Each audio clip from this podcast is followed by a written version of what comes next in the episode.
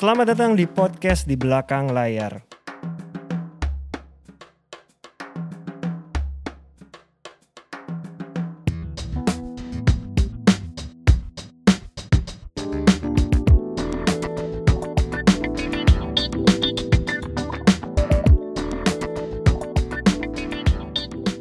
Halo teman-teman pendengar podcast di belakang layar. Hari ini kita di episode 13. 13, betul.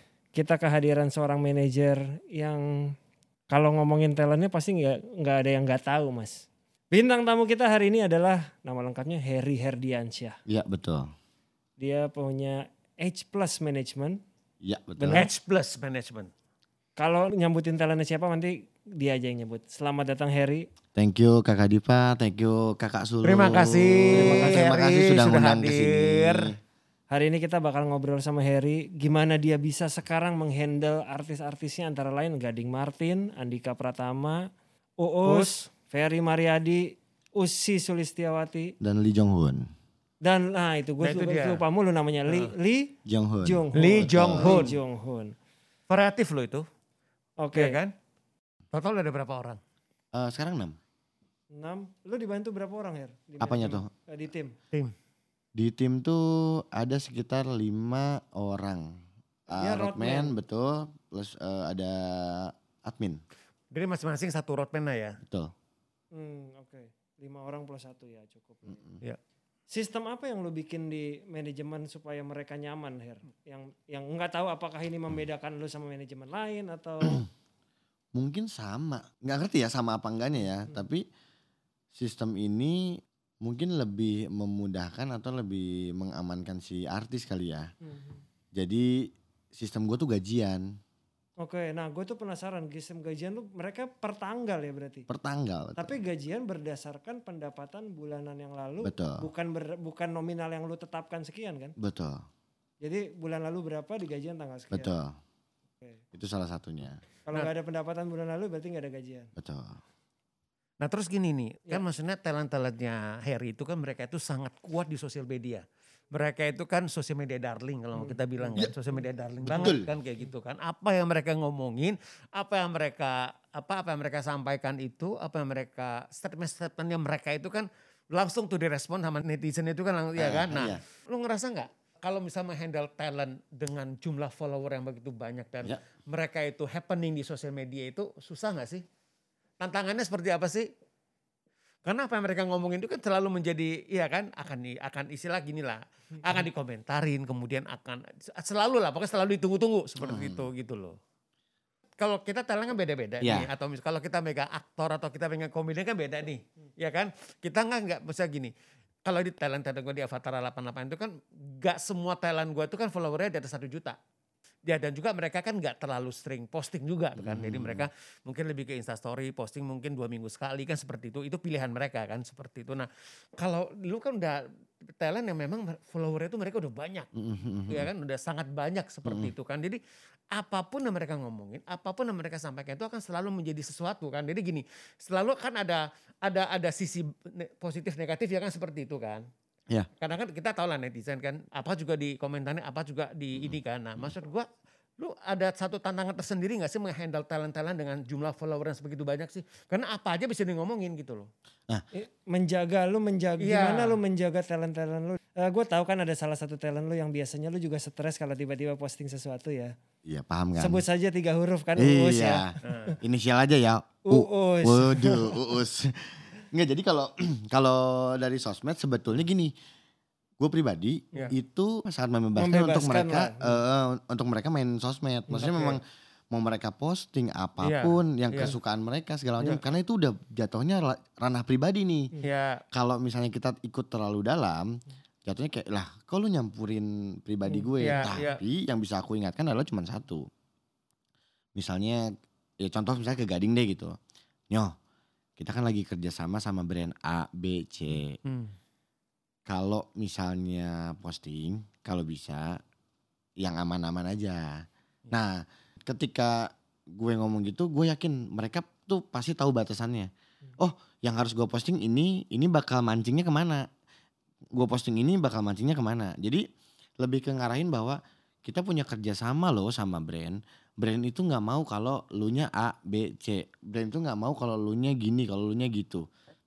Alangkah baiknya apa pun yang lu posting, apa pun yang lu tunjukkan depan media, depan halayak umum itu memang masih aman. Ketika netizen itu mau bilangnya nggak bagus, mau jelek, mau ngehujat, itu udah urusan netizen. Yang penting memang kita naikin hal-hal yang memang memang sejauh ini aman. Aman tuh dalam artian kan kita tahu nih batasan-batasan Ya. masyarakat Indonesia nih bakal nyibirnya ke mana Jadi nih gitu. Harry sebagai manajer juga selalu mengingatkan talent-talentnya gitu loh. So, oke eh lu punya komitmen nih sama brand ini, brand itu, brand itu gitu. Oke lu boleh posting. Terserah lu mau ini tapi tolong jaga ya. Ada koridor ini nih, ada komitmen yang ini. Pokoknya jangan sampai melanggar komitmen lah kurang lebih seperti itu kan. Jadi memang tugasnya dia tuh selalu mengingatkan talentnya nih di komod gua. Gue nggak tahu pas Uus sempat bermasalah di netizen tuh udah malu belum?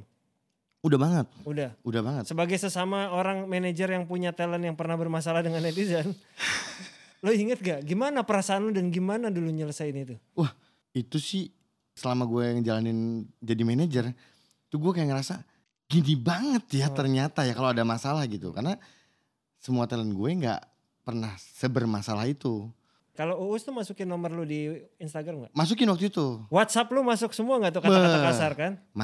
Mati bang Ah, mati Itu sih gak berhenti 24 jam pasti. jadi gini pas kejadian Iya. itu kebetulan gue lagi meeting Hmm. nah pas lagi meeting tiba-tiba ada naik di Twitter apa segala macam Hmm. rame tuh gue tuh nggak baca pas rame kok banyak yang telepon banyak yang WhatsApp itu sebenarnya yang WhatsApp sama telepon lebih ke Wartawan. bukan bukan eh, orang TV dulu karena waktu itu kebetulan lagi pegang program OVJ Hmm. lagi pegang program inbox Inbox tuh. ya. inbox OVJ sama satu lagi eh, Suca waktu itu kebetulan Iya iya iya. iya. Suca. Nah, semua tuh Her kok gini, Her kok gitu. Nah, pas dicek loh, kok gitu. Jadi sore tuh kejadian, malam itu juga semua petinggi-petinggi TV nih telepon. Ini mesti gimana, mesti ngapain. Akhirnya mereka bilang, udah sementara ini us kita cut dulu. Hmm. Kita hold dulu deh. Lo yang minta apa dari Hmm, mereka? dari mereka pertama gini, Her menurut lu gimana? Nah, gue balikin nih. Dari kalian enaknya gimana? Karena posisi gue sebenarnya kan wayang kan. Mm-mm. Jadi kalau misalnya kalian masih mau majuin Uus dengan kondisi yang ada, gue sih gue sih ayo, iya dengar mereka jelasin resikonya dan dari gue juga ju- jelasin resikonya. Kalau misalnya dari kalian oke, ayo kita terusin.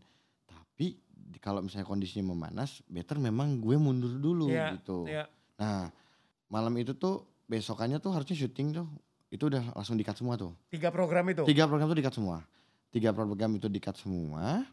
Itu kan Twitter dan Instagram segala macam tuh makin rame, makin Hmm, rame hmm, banget. hmm, Jadi kayak digoreng terus, digoreng Hmm. terus. Nah, pas besokannya pelusa gitu.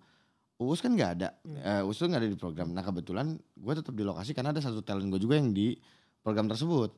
Itu ada beberapa apa? Ada beberapa masa yang memang nyamperin ke studio. Hmm. Hmm. Nah itu kan udah udah sebenarnya sudah mengganggu Iya. yang lain. Ya pada akhirnya ternyata benar memang Uus harus kita keep dulu deh Iya, gitu kita iya. tahan dulu. Nah dari program yang inbox juga sama. Aduh Her kayaknya kalau lu didatengin terus dengan rame-rame Iya. orang kalau kenapa-napa lu Hmm. ribet deh gitu. Nah udah tuh dari situ kita vakum tiga bulan lah. Vakum tiga bulan. Tapi selama tiga bulan itu penyelesaiannya nggak gampang ternyata. Jadi yang gue ngomongin yang paling parahnya aja Iya, ya. iya.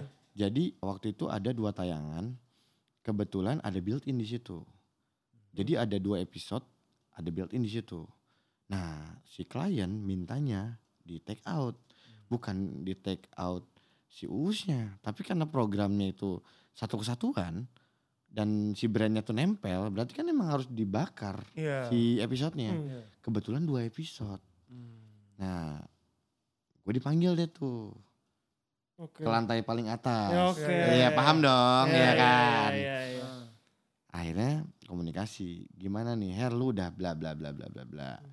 Ini dampaknya gede banget. Terus istilahnya kalau disebut merugi ya itu merugi lah sudah Hmm. sangat merugi. Ya, akhirnya gue komunikasikan semuanya lah gue komunikasikan enaknya gimana baiknya gimana sampai nemu jalan tengah nemu jalan tengah itu si episode itu tetap dibakar maksudnya nggak ditayangin Iya, lah iya. nggak ditayangin.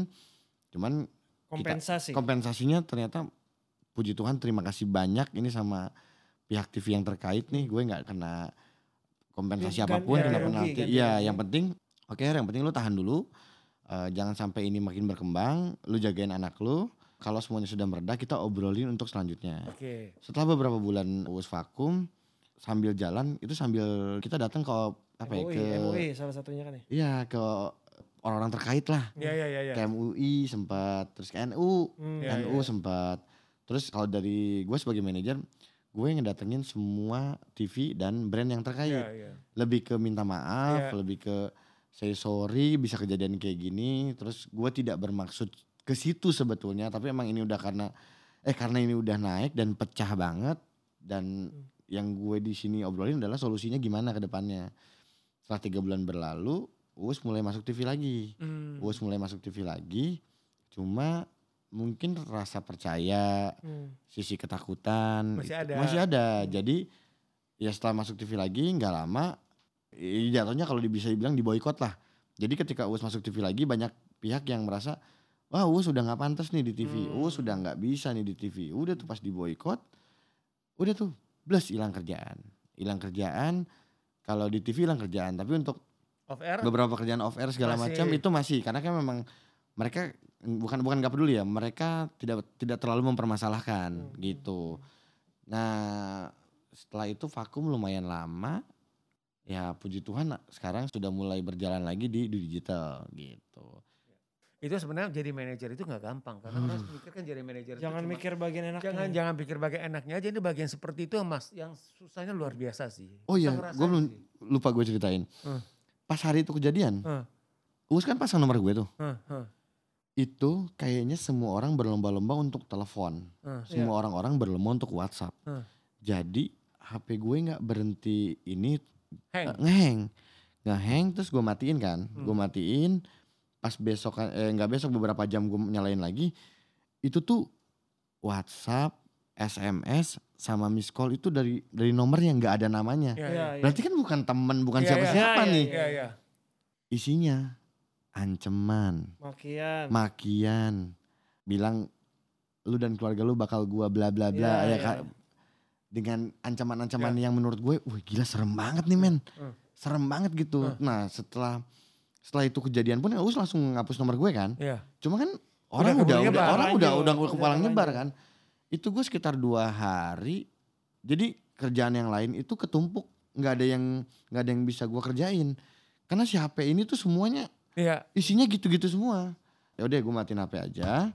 Setelah dua hari bers uh, selalu bersalah mungkin orang udah mulai ah ya udah deh ya udah deh gak ditanggepin juga. Jadi pas gue nyalain gue mulai blok-blokin semua yang masuk. Blok-blokin semua yang masuk. Nah dari situ mulai berkurang tuh. Gitu. Iya, iya, iya. Gila Saya sih. merasakan Luar hal yang sama. Luar biasa sih itu pengalaman seperti itu sih. Gila sih gila tuh gila. Gue sebenarnya bukan khawatir ke pribadinya gue ya. Lebih ke gue punya keluarga, Keluarga, nih iya gitu. lah, Ini kalau misalnya emang orang-orang sekarang kan canggih ya.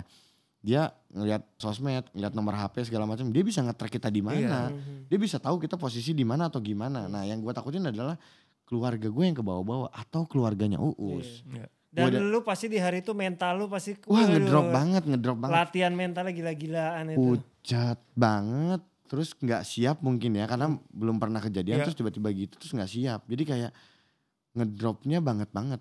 Pucat ngedrop sama diem aja karena bingung mau ngapain. Mhm.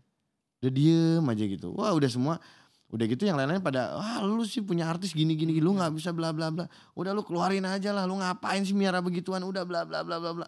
Jadi di posisi itu ketika mental gua drop banget ngurusin ini semua karena kan mental kita ngedropnya semana kita ketemu klien atau ketemu uh, instansi-instansi terkait yang ada kerja sama sama us kita nggak bisa curhat kita nggak bisa emosi. Kita di situ memang harus tenang harus ngejelasin ke mereka bahwa ini memang masalah tapi pasti ada solusinya nah di saat mental gua ngedrop gua harus berlaku seperti itu nah itu jadi kayak gila ternyata lu nahan kepedihan sama Mhm. kesedihan lu lu depan orang tetap harus senyum tetap harus bisa Cari solusi. cari solusi Hmm. ngomongin solusi walaupun solusinya sebenarnya belum tentu belum tentu oke belum tentu berjalan tapi seenggaknya mereka tahu bahwa gue mencarikan solusi gitu Di mana di saat itu lu juga harus tetap ngehandle talent yang, Yang lain. iya nah yang talent lain udah wah lu gila ntar lu malah nggak bisa ngendel kita Iya. apa segala macam bla bla bla. Iya. Wah di saat itu sih mental gue lumayan jatuh sih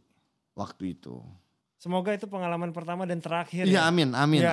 amin Iya. amin amin amin amin. Lu tuh kan megang talent selain masalah tadi ya. Dekat dengan talent-talent yang dekat dengan dunia infotainment.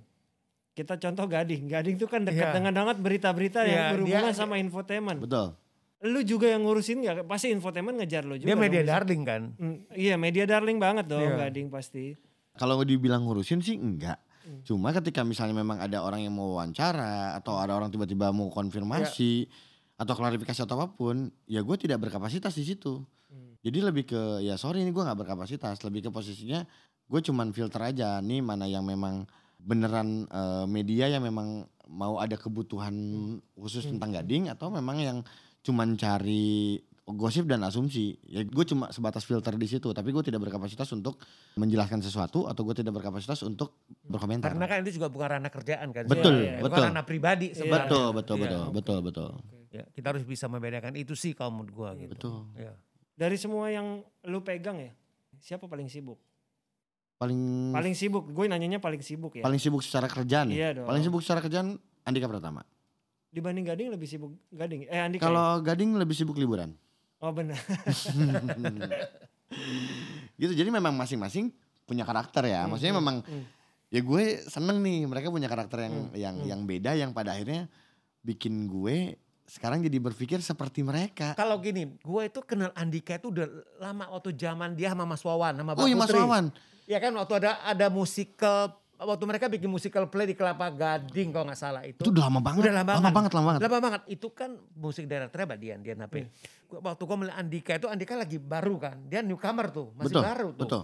Nah, gue melihat nih ini ada potensi besar nih di dalam sosok diri seorang Andika gitu kan. Gue lihat dia nyanyi dia bisa sebenarnya kan, Mm-mm. nyanyi bisa. Terus gue lihat dia punya potensi nih. Nah, kemudian gue lihat sekarang ya, maksudnya kalau gue lihat tuh karirnya itu apa ya stabil, mantep gitu loh. Jadi kalau stripping kan dia ada terus ya. Sekarang ada berapa itu? Kebetulan sekarang lagi pegang dua program. Nah dua program.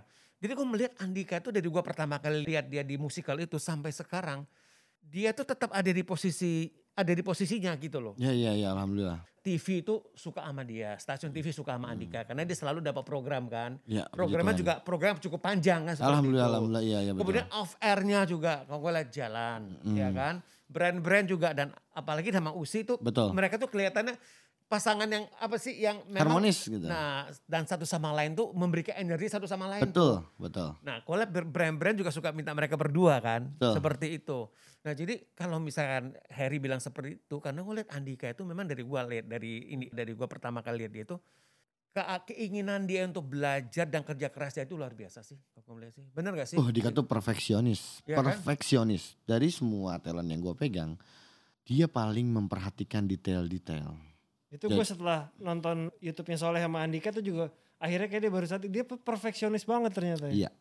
Contohnya contoh aja gimana? Nah misalnya gini, jadi kalau misalnya ada satu acara, biasanya kan kalau dari aku pribadi nih, maksudnya kita kita tuh ngefilter dulu nih, kita nanya dulu ke IO-nya, detailnya sedetail-detailnya. Nah detail segala macam udah kita dapat. kirim ke Dika. Iya. Nah, Dika tuh sedetail misalnya Her, ini rundownnya gini.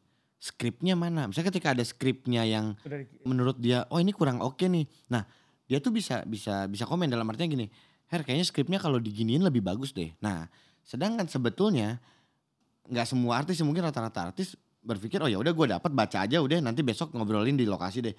Jadi dia tuh beneran dibaca dulu, terus kalau misalnya ada callingan uh, wardrobe misalnya gitu, beneran kayak, oh ini dipadu padannya tuh bener-bener niat gitu. Oh ini Her ada request warna nggak? Warnanya beneran disesuaikan. Nah, terus ketika jalan program, Iya. dia pasti nanya nih ke misalnya ada ada beberapa segmen. Segmen pertama dia naik gitu. Pas turun dari panggung, kan biasanya kita di backstage tuh, Hmm. Her tadi gue gimana? Review ya pasti. Betul, apa kurangnya apa segala macam bla bla Jadi bla. dia mau belajar. Betul. Gitu, benar. Kalau Itu. Ah, jadi sebenarnya dua sisi sih. Satu sisi kalau dari aku ngelihatnya, wah udah dik sebenarnya nggak usah terlalu lu pikirin, nikmatin aja, jalanin aja. Toh ketika lu makin pikirin, nanti Ya. ketika lu ada salah jadi beban Ya. yang nanti dipikirkan ke berikutnya. Hmm. Padahal udah nikmatin aja, jalanin aja. Cuman kayak itu memang karakter kan. Gue Ya. sangat suka karakter itu sebetulnya. Terus eh, selanjutnya tepat waktu. Jadi gue itu nggak sembarangan kalau ngoling Andika. Kalau ngoling Andika jam 9, dia jam 9 datang. Sampai sekarang. Iya, kalau tiba-tiba gue ngoling jam 9, Hmm. terus on camnya jam 12, kan sebetulnya Mood ya, mood. moodnya. Moodnya. Kan orang kayak kita kan susah jagain mood Iya. kan oh pasti. iya. Susah jagain itu. Betul, makanya gue pasti cari detail. Udah deh, lu bakal on cam jam berapa, briefing jam berapa. Lu calling gue sesuai mau briefing aja. Gue pasti datang jam segitu. Yang lain emang nggak tepat waktu. Yang lain tuh tepat waktu, cuman ada mepet-mepetnya. Kalau Andika tuh kayak, gue tuh udah setenang itu kayak, di calling jam segini. Kalau gue telepon roadman-nya misalnya, jadi kan gue di manajemen, iya ada grupnya lah gitu. Jadi Iya. mereka update, udah sampai lokasi ya pak gitu. Andika tuh salah satu yang memang ke lokasi datangnya tepat waktu atau kadang-kadang malah lebih cepat gitu. Karena dia mikir, gue kalau gue mepet-mepet, nanti nggak tenang, gerabak gerubuk. Nanti kalau pas briefing, nanti riweh gitu. Sama kayak Sigi. Hmm. Sigi, callingan dia jam 12, dia setengah 12 udah nongol. Oke. Jatuhnya jadi kayak, ini Andika artis apa roadman gitu. Roadman-nya belum datang jangan-jangan. enggak roadman itu udah pasti datang. Makanya kan kita mereka, mereka tahu Iya. tahu polanya masing-masing kan. Oh, Dika datang jam 12, gue jam 11 udah nyampe deh gitu. Kalau manajernya sih belum datang. Kalau belum tapping nanti aja. iya, iya, iya, iya, iya. Lu kalau misalnya gini, ini contoh aja ya. Dalam satu hari ini Thailand lu kerja semuanya. Ini Iya. off air, kita bicara off air ya. Betul. Lu baginya gimana? Selain lu ada roadman ya, lu nya gitu maksudnya. Oh, polanya prioritas. Jadi misalnya Oke. kan kadang-kadang kita ada klien yang repeat order. Ya. Ada klien yang baru. Betul. Nah, gue pasti prioritasin yang baru. Baru, bukan ya. berarti yang repeat order itu nggak penting, bukan. Tapi kita datang sowan gitu Iya. kayak, oh nih kita kan klien baru pasti kan Iya. baru kenal, baru ketemu. Ya kita memperkenalkan diri, ngobrol, hai. Kan dari situ biasanya kalau udah punya kecocokan sama trust sih yang penting sih. Kadang-kadang gini, mereka tuh kebutuhannya belum tentu artis kita yang dibutuhin. Tapi karena mereka ngerasa, ih udahlah sama Harry mah simple. Enak. Sama Harry mah gampang, Iya, enak. enak. Udah nggak pusing deh. Ya, Nah. udah gua pakai Thailand dia aja. Nah gitu. Bener. Mhm. Kayak kakak sulung ini udah Bener. diem aja terima telepon gitu. Enggak juga maksudnya usaha.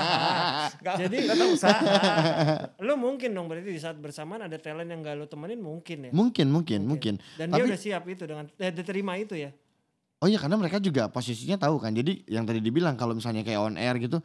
Kita kan pasti jarang jarang, jarang nemuin karena kalau on air udah ketahuan nih. Iya, oh talentnya iya, siapa maksudnya. Iya, on air udah tahu polanya. Betul, kan. tapi kalau misalnya off air. Jadi misalnya ada off air klien baru di Jakarta. Hmm. Tapi ada off air klien lama tapi di luar kota. Gue pasti keluar kota.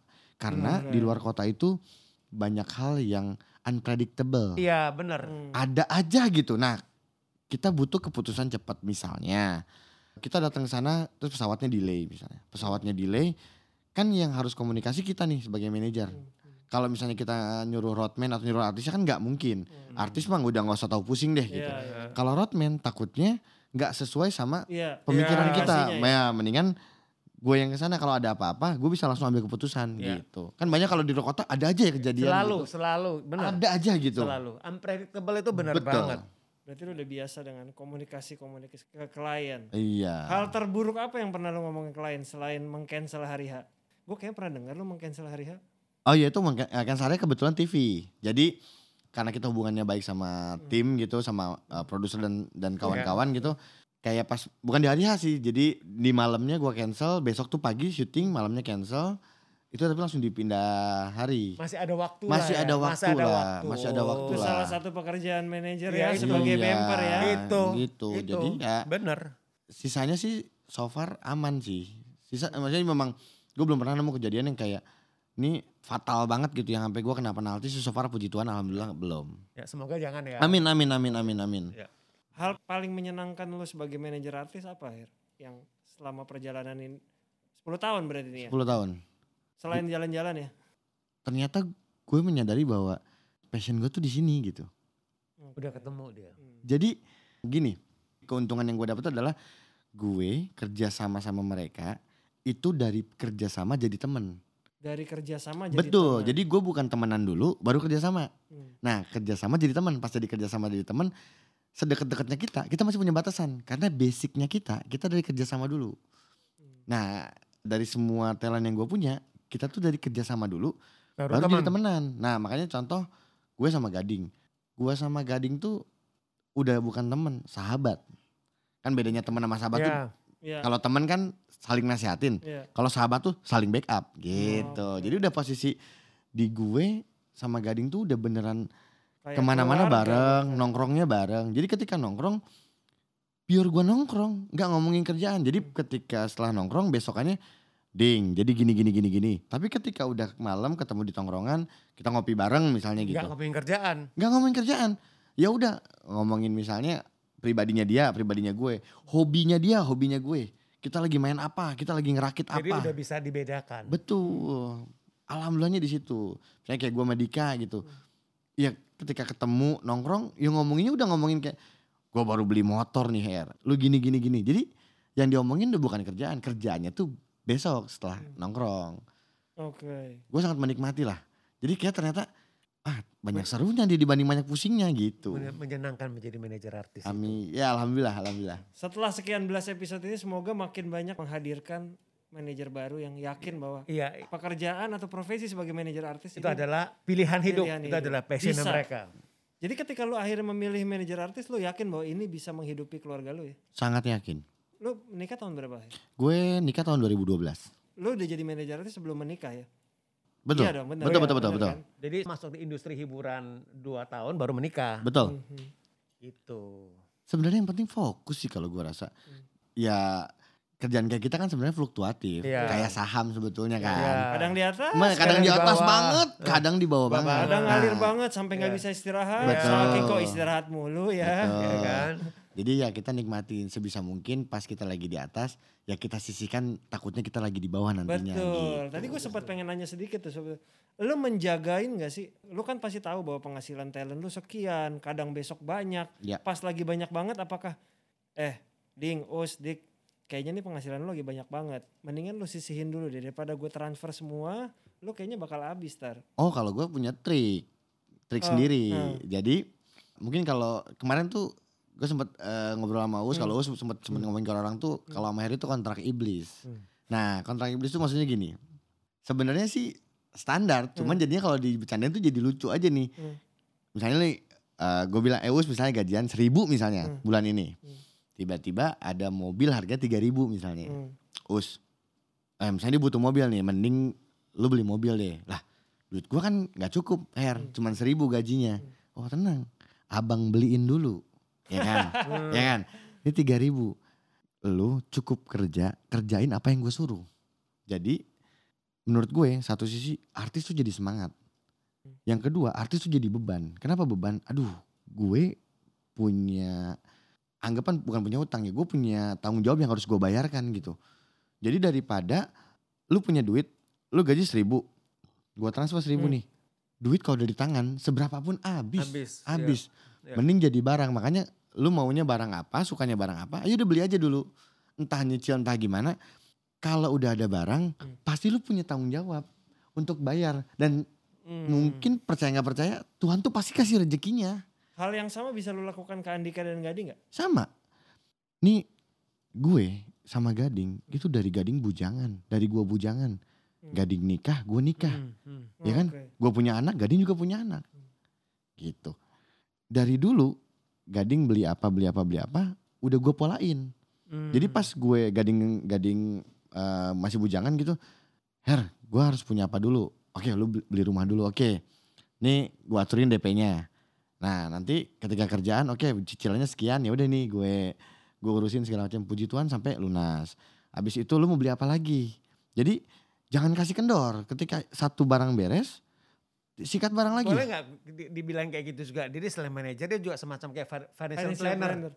Iya kan? Jadi lu sih? tapi juga selain financial planner lu juga pede bahwa dengan lu memberikan imbalan duluan di depan, lu pasti akan memberikan pekerjaan lagi di belakang sebenarnya gitu ya. Eh, itu lebih ke motivasi diri pada Iya iya iya karena masing-masing. iya jadi ada Masing-masing. jadi ada motivasi bahwa gue harus kerja nih karena gue harus ibaratnya kan quote quote unquote gue harus membayar utang yang Betul udah- sekali, Oh, betul. ya. Jadi pola yang disajikan itu adalah tanggung jawab bersama. Kalau dipikir, wah lu mah tega lu Her, lu ke artis lu gini-gini segala macam. Oh enggak, itu tanggung jawab gue. Pada akhirnya ya Untuk gue nyariin kerjaan. betul nyariin kerjaan biar Cicilan tanpa DP, cicilan tanpa bunga, luar biasa ini.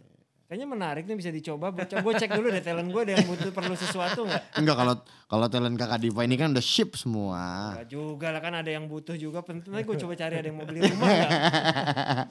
Biar banyak kerjaannya juga jadinya kan.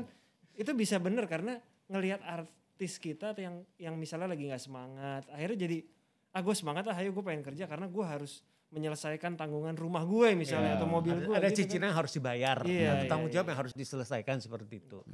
nice Harry thanks a lot Terima kasih untuk Sama-sama, waktunya sama-sama. hari Sama-sama thank you kakak Sulung, thank you kakak Dipa. sebagai penutup apa rencana lu ke depan Iya. sama H plus management nih Eh, rencana besarnya sih belum ada. So far karena ini baru beres pandemi nih, ya gue coba menstabilkan apa yang kemarin sempat terhenti gitu. Jadi penting itu menstabilkan apa yang sudah berhenti betul. selama berapa bulan. Jadi gitu. nggak muluk-muluk lah. Gimana caranya kita stabilin dulu aja kondisi yang sekarang karena yang kemarin tuh emang dampaknya ke semua lah, bukan Ya. ke kita doang ya, emang ke semua ya. Jadi Iya.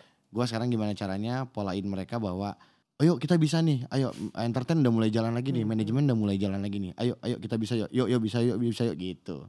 Jadi sama-sama motivasi aja yuk bisa yuk yuk bisa yuk gitu. Karena gue yakin ini akan berakhir dan ini akan semuanya tuh pasti indah pada waktunya gitu. Amin. Amin. Thanks a lot Harry udah datang. Sama-sama, sama-sama. pengalaman. Semoga sama-sama sama-sama. Thank you udah dengar mendapatkan inspirasi dari apa yang disampaikan Harry Dan ini akan sangat berguna sih buat teman-teman mendengarkan. amin mudah-mudahan mudah-mudahan mudah-mudahan sehat-sehat Her thank you thank you salam thank buat you lu semua Thank you. semoga semua kerjaan kembali normal amin amin amin kita ketemu lagi di episode selanjutnya Terima Episode kasih. ke-14. yes Ya. terima kasih semua teman-teman thank you Thank you.